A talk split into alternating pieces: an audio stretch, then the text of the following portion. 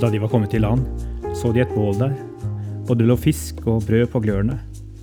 Kom hit med noen av de fiskene dere nettopp fikk, sa Jesus til dem.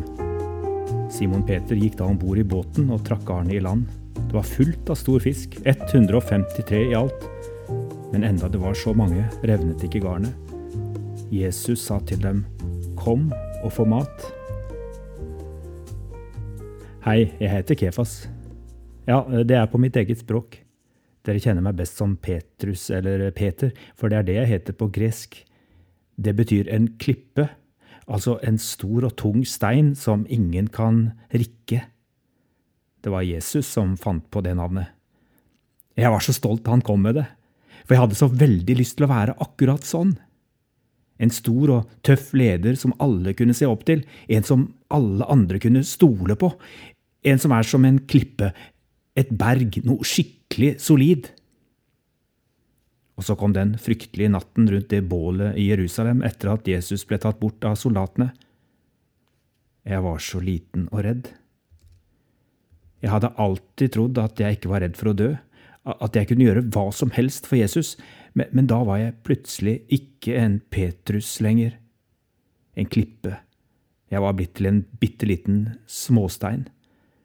Så da noen ropte til meg at jeg var en av Jesus sine venner, da ble jeg så redd at jeg sa mange stygge banneord og nektet for at jeg noen gang hadde kjent Jesus, min aller beste venn, og så sviktet jeg han.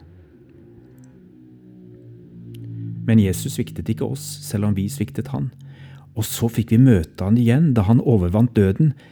Ja, vi møtte han mange ganger. Det var Jesus som var klippen, det var han som aldri kunne bryte sine løfter. Og selv om jeg var veldig, veldig glad for å se Jesus igjen, så kjente jeg meg fortsatt så veldig, veldig liten inni meg, for jeg hadde liksom ikke kommet meg til å snakke skikkelig med Jesus om det som skjedde den kvelden. Jeg visste at han visste, men vi snakket ikke om det.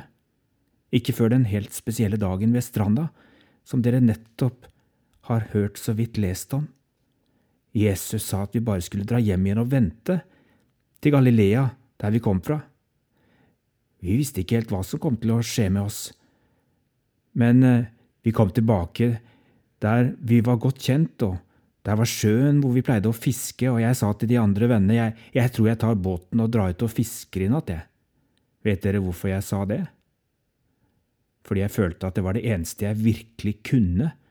Jeg hadde jo trodd at jeg skulle bli en sånn en som Jesus som reiste rundt og hjalp mennesker og fortalte om Guds rike, jeg skulle være hans disippel, men nå var han stått opp igjen fra de døde, det var helt fantastisk, men jeg forsto ikke helt at det egentlig hadde noe med meg å gjøre, for jeg hadde jo bevist en gang for alle at jeg var helt ubrukelig som disippel av Jesus, men fiske, det kunne jeg vel klare.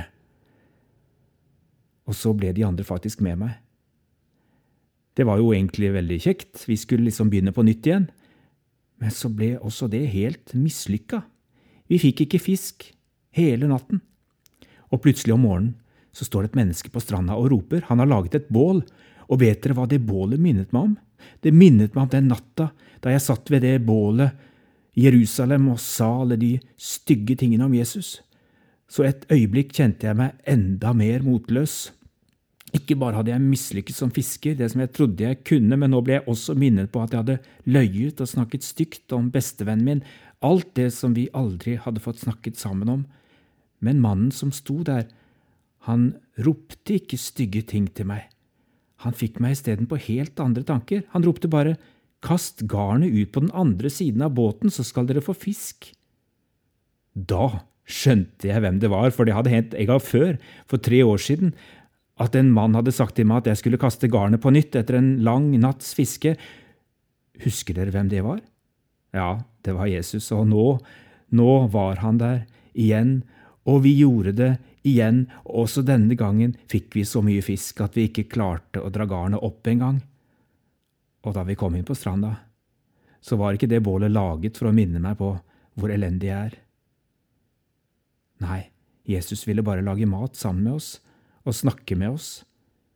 Og den dagen fikk jeg sitte rett ved siden av han, og så fikk jeg lov til å si det til han. Jeg sa ikke så mye. Jeg sa bare noe sånn som Jesus, jeg vet at du vet. Jeg vet at du vet om alt. Jeg vet at du vet om alt jeg har gjort. Men da vet du også at jeg elsker deg. Det var det jeg ville høre, sa Jesus. Jeg ville høre at du elsker meg. Det er det jeg trenger. Jeg vet at vennene mine ikke er perfekte. Jeg vet at dere gjør dumme ting, og kommer til å gjøre dumme ting igjen. Men hvis vi kan fortsette å snakke sammen og gjøre opp og vise at vi er glade i hverandre, da er det alt jeg trenger. Jeg trenger deres kjærlighet. Jeg trenger din kjærlighet, Petter. Og så sa han, du kommer ikke til å få så mye tid til å fiske framover, for det blir veldig mye å gjøre i storfamilien min. Det kommer til å komme veldig mange mennesker som vil høre mer om meg og som vil tro på meg, og jeg kommer ikke til å være sammen med dere fysisk lenger. Da trenger jeg deg og de andre til å ta vare på alle sammen. Jeg trenger deg til å være gjeter. Tenk at Jesus kunne bruke meg, sånn som jeg er. Og så har jeg blitt til en klippe likevel, ikke fordi jeg er så veldig sterk, men fordi Jesus gjør meg sterk. Det er han som vet hvor fiskene er, og det er han som viser meg hver dag hvordan jeg skal ta meg av alle menneskene som trenger meg. Før trodde jeg at det var fordi jeg var så spesiell og ualminnelig at jeg var utvalgt og kalt av Jesus. Nå har jeg forstått at jeg er spesiell og ualminnelig fordi jeg er utvalgt og kalt av Jesus. Ser dere forskjellen? Kameraten min Johannes har forresten skrevet om den spesielle dagen på stranda i Johannes evangeliet kapittel 21.